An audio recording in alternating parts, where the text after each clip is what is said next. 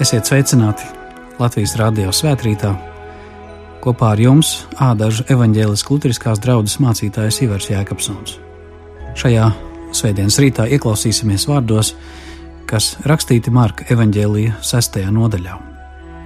Ka Jēzus lika mācekļiem sakāpt laivā un pirmajam doties pāri otrā krastā uz Bēcaidu, kamēr viņš pats atlaidīs ļaužu pūli un tos atlaidis viņš uzkāpa kalnā dievu lūgt. Un vakaram pienākot laiva bija jūras vidū, un viņš viens pats krastā. Un redzēdams viņus nopūlamies airējot, jo vējš bija pretī, viņš ap ceturto nakts sardzes maiņu nāca pie tiem pa jūras virsmu un gribēja tiem iet garām. Tad ieraudzījuši viņu pa jūras virsmu staigājam, tie domāja, ka tas ir spoks un sāka kliegt, jo visi viņu ieraudzīja un ļoti izbijās bet viņš tūlīt tos uzrunāja un sacīja: Turiet drošu prātu, es tas esmu, nebīsties.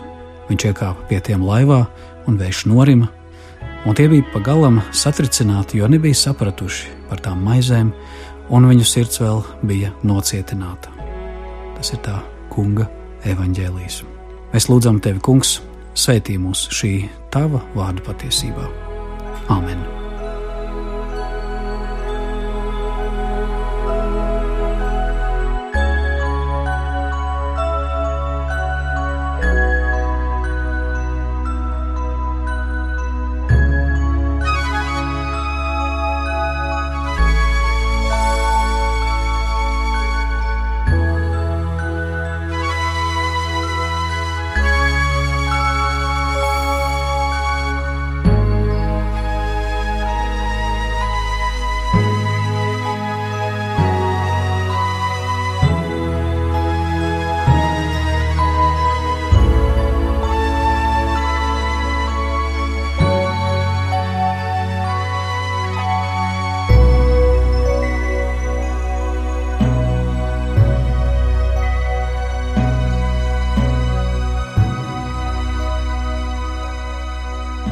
Lūk, mēs tikko dzirdējām, ka Jēzus atlaidis ļaudis, kāpj kalnā dievu lūgt. Manuprāt, šis viens teikums vien ir līdzība šai dienai, kurā mēs esam. Dienai, kurā pēc darba nedēļas, dienai pēc darbiem meklējam atveldzi. Meklējam kādu vietu, lai tuvotos dievam, ieklausītos viņā, runāt ar viņu. Jēzum tas toreiz nozīmēja uzkāpt kalnā, dievu lūgt, darba, kalpošanas dienas vakarā. Gribētu zināt, gribētu redzēt, kā tas bija, kā tas izskatījās. Kāds bija Jēzus? Vai viņš bija priecīgs par labi padarītiem darbiem, vai viņš bija iedvesmots par svētībām, kas ir piedzīvotas? Varbūt Jēzus bija arī noguris, noguris no daudziem cilvēkiem, Katrā ziņā es ticu, ka aiz visa tā bija dziļš miers. Jēzus, miera princis, miera nesējs, ir tas, kas nes sevī kaut ko tādu, kas pārspēj pasaules vētras un ļaužu pūļus. Katrā ziņā šķiet, ka Jēzus redz ne tikai tēvu šajā lūkšanā, bet to, kas notiek ar viņa mācekļiem, ka tie ezera vidū jūrā cīnās ar pretvēju. Viņš, es ticu, ka rūpējas arī par to, kas notiek ar mācekļiem jūrā, Un tādēļ iespējams tā saruna ar tēvu tur tajā kalnu galā ietver daudzas lietas. Evanģēlists Marks stāsta par mācekļiem uz jūras, kas patiesībā ir liels ezers, Galilejas ezers, kas atrodas mazliet vairāk kā 200 metru zem okeāna līmeņa. Tur vēja mēdz ieskrieties pa kalnu nogāzēm un var izraisīt pat lielas un bīstamas vētras.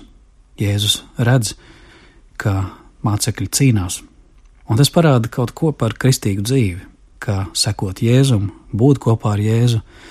Nav tikai tāds ceļojums pa lielu, platu, drošu ceļu, bet tas ir kā ceļojums laivā, viļņos, vējā, pretvējā.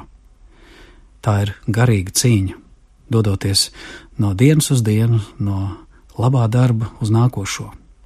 Un Jēzus redz šeit ne tikai ļaužu vajadzību pēc maizes vai veselības, bet viņš redz arī mācekļu situāciju vētrā. Un viņš ne tikai runā ar tēvu, bet pats dodas vētrā. un ierodas burtiski pa ūdens virsmu, lai cik tas mums cilvēcīgi neticami šķistu.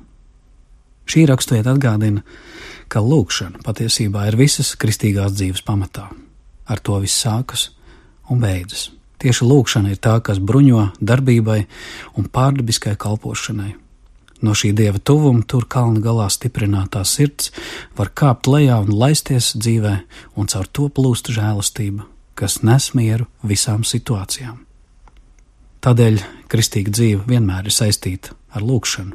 Nevis tāpēc, ka varbūt ir kāda problēma vien, bet tāpēc, ka tas ir veids, kā mēs ieliekam sevi Dieva rokās. Tas ir veids, kā mēs vienkārši sasveicinamies un sakam labrīt un labvakar, kā savam tuviniekam, tā arī Dievam. Dienu iesākt, pabeigt ar lūkšanu, nedēļu iesākt un pabeigt ar lūkšanu ir kristīga dzīve. Bez lūkšanas ticība ir tikai formalitāte vai kāda abstrakta filozofija. Es pats atceros, reiz devos mājās no kāda pasākuma kādā Rīgas skolā. Kāds no skolotājiem piedāvāja pa ceļam aizvest līdz centram, kad iekāpā mašīnā. Pēkšņi man likās, notiek kaut kas jocīgs. Mans šoferis nolietas pie stūres, tā it kā viņam iesāpētos vēders. Viņš pārmet krustu un saka īsus vārdus: Paldies Dievs par šo pasākumu kopā ar mācītāju, bet tagad svētī mūs un vadi un pasargi ceļā. Āmen! Tajā brīdī man parādījās smaids un radās jautājumi, vai viss ir kārtībā, vai ir degviela, vai šofērs nav kaut ko aizmirsis. Nē, viņš saka, viss ir kārtībā, esmu audzis vienkārši ticīgā ģimenē, un mums ir paradums visu iesākt ar lūkšanu.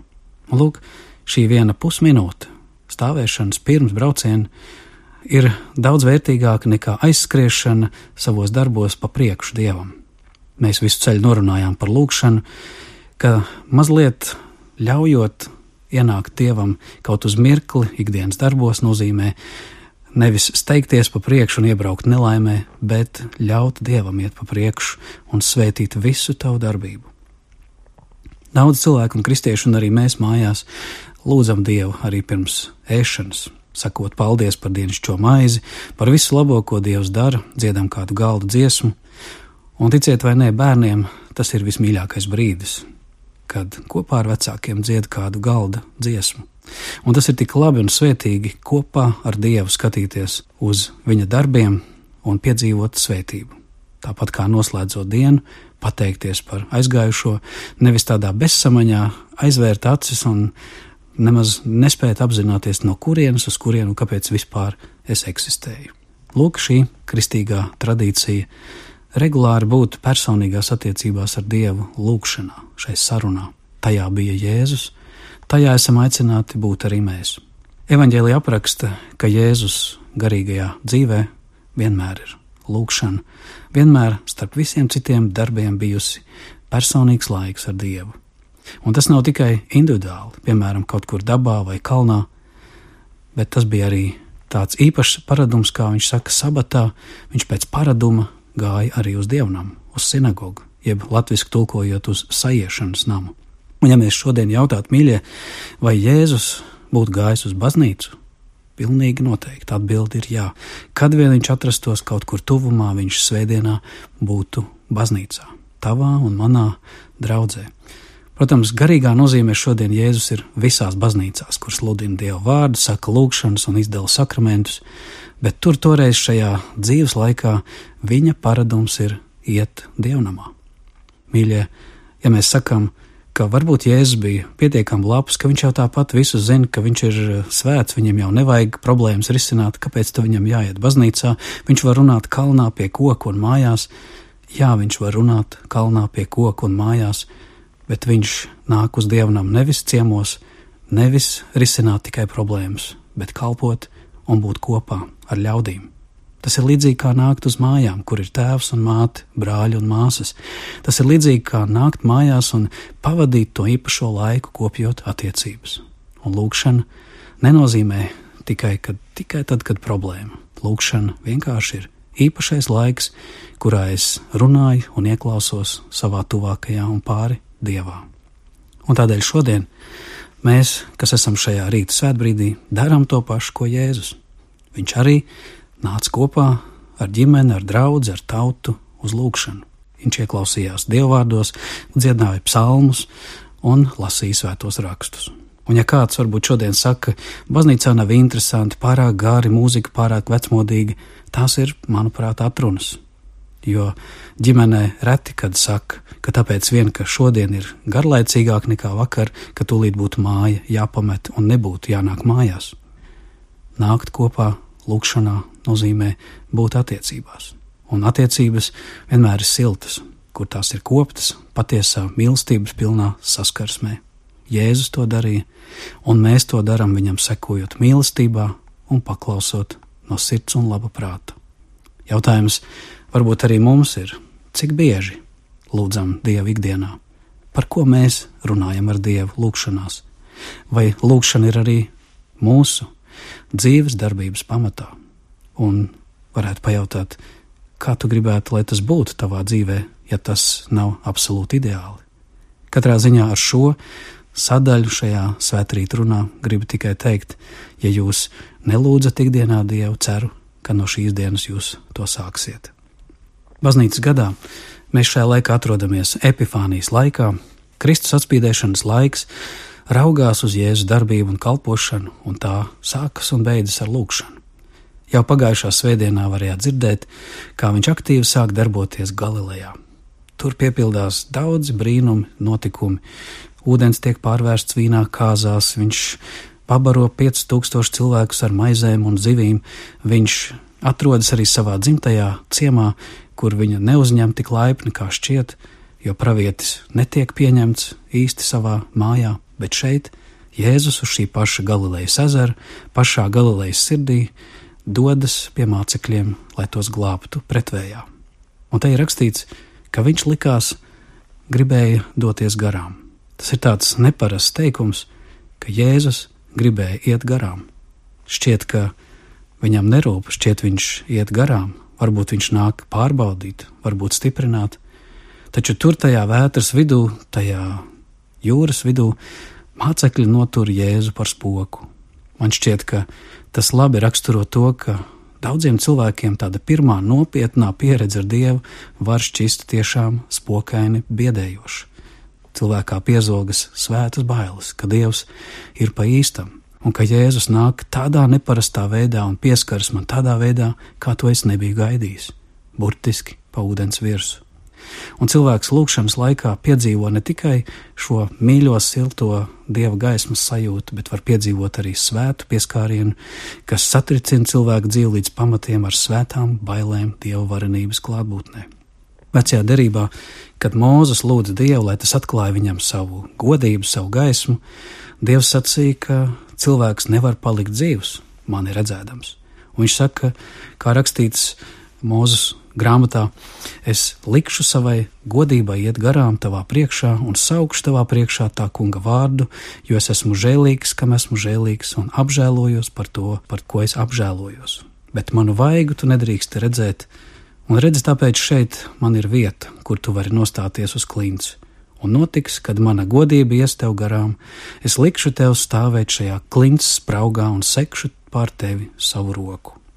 Lūk, tāda ir vecā derība ar biedējoši vareno, visspēcīgo dieva klātbūtnes izjūtu, ko piedzīvo Mūzus. Šajā ziņā šeit ir līdzība ka arī Jēzus, kas jūras vidū gribēja doties mācekļiem garām, varbūt līdzīgi izjūtams, kā toreiz Mūzes to piedzīvoja tuksnesī. Katrā ziņā otrā vēstule kolosiešiem raksta, ka tauta, kas bija tuksnesī, dzēra no garīgās klints, kas tiem gāja līdzi, un šī klints bija Kristus. Šajā ziņā mēs ticam, ka Jēzus bija klātesošs kā Dieva dēls arī tur toreiz. Un ja Dievs atkal gribēja iet garām mācekļiem, kas atrodas pretvēja jūrā, tad te jau ir cita situācija.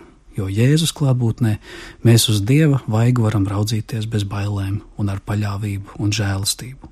Šeit, šajā spokainajā parādības klātbūtnē, ir svarīgi dzirdēt šī labā gana valsi, kas saka: turiet drošu prātu, es tas esmu, nebīsties! Mīļie, noslēdzot šī rīta pārdomas, domāsim arī par savām vētrām, cīņām. Kā mēs izjūtam Dieva klātbūtni? Kā mēs izjūtam Kristus klātbūtni mūsu dzīves vējos? Kā Viņš nāk pie manis? Vai viņš arī tevi stiprina? Vai viņš arī tavai dzīvei iet ne tikai garām, bet vai viņš ir gatavs, vai tu esi gatavs viņu ielaist savā dzīves laivā, lai iestātos miers un cerība? Es ticu, ka šīs dienas rakstu vieta mums atgādina, ka raugoties uz Dievu caur Jēzu Kristu, mūsu dzīvē ir gaisma, miers un cerība savos dzīves ceļos, pienākumos un kalpošanās, mīlestības darbos mēs varam piedzīvot svētību, kas mūs sargā. Jautājums ir tikai, ko lai es daru? Lai Kristus klātbūtne būtu vairāk izjūtama manā dzīvē, ikdienā un svētdienās. Vai es arī kāpšu kalnā, vai varbūt es arī došos dievnamā? Varbūt par savām izjūtām es parunāšos ar draugiem, kam es uzticos. Katrā ziņā Tas viss nozīmē būt ticības un mīlestības sadraudzībā, būt kopā ar citiem mīlestībā un pāri visam runāt ar Dievu. Runāsim ar Dievu arī mēs.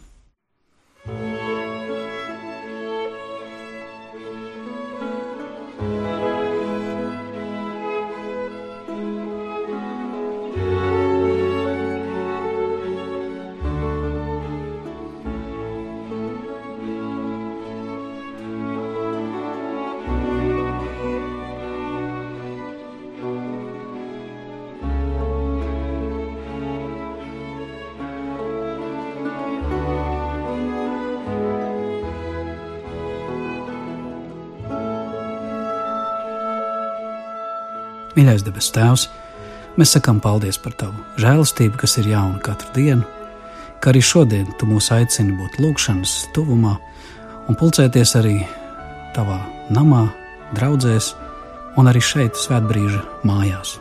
Esi mums klātesošs mūsu dzīves ceļā, vai tie būtu mierīgi ūdeņi vai vētraini pretvēji.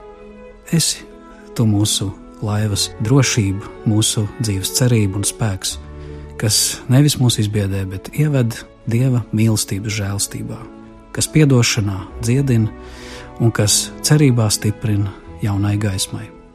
Lai aizvien vairāk mēs savā zemē un tautā varam Dievu mīlēt pār visām lietām un tuvāko kā sevi pašu.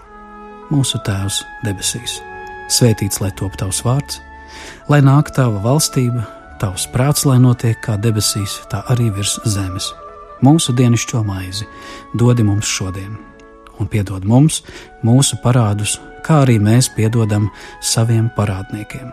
Un neieved mūsu kārdināšanā, bet atpestī mūs no ļauna. Jo tev pieder valstība, spēks un gods mūžīgi mūžos. Āmen!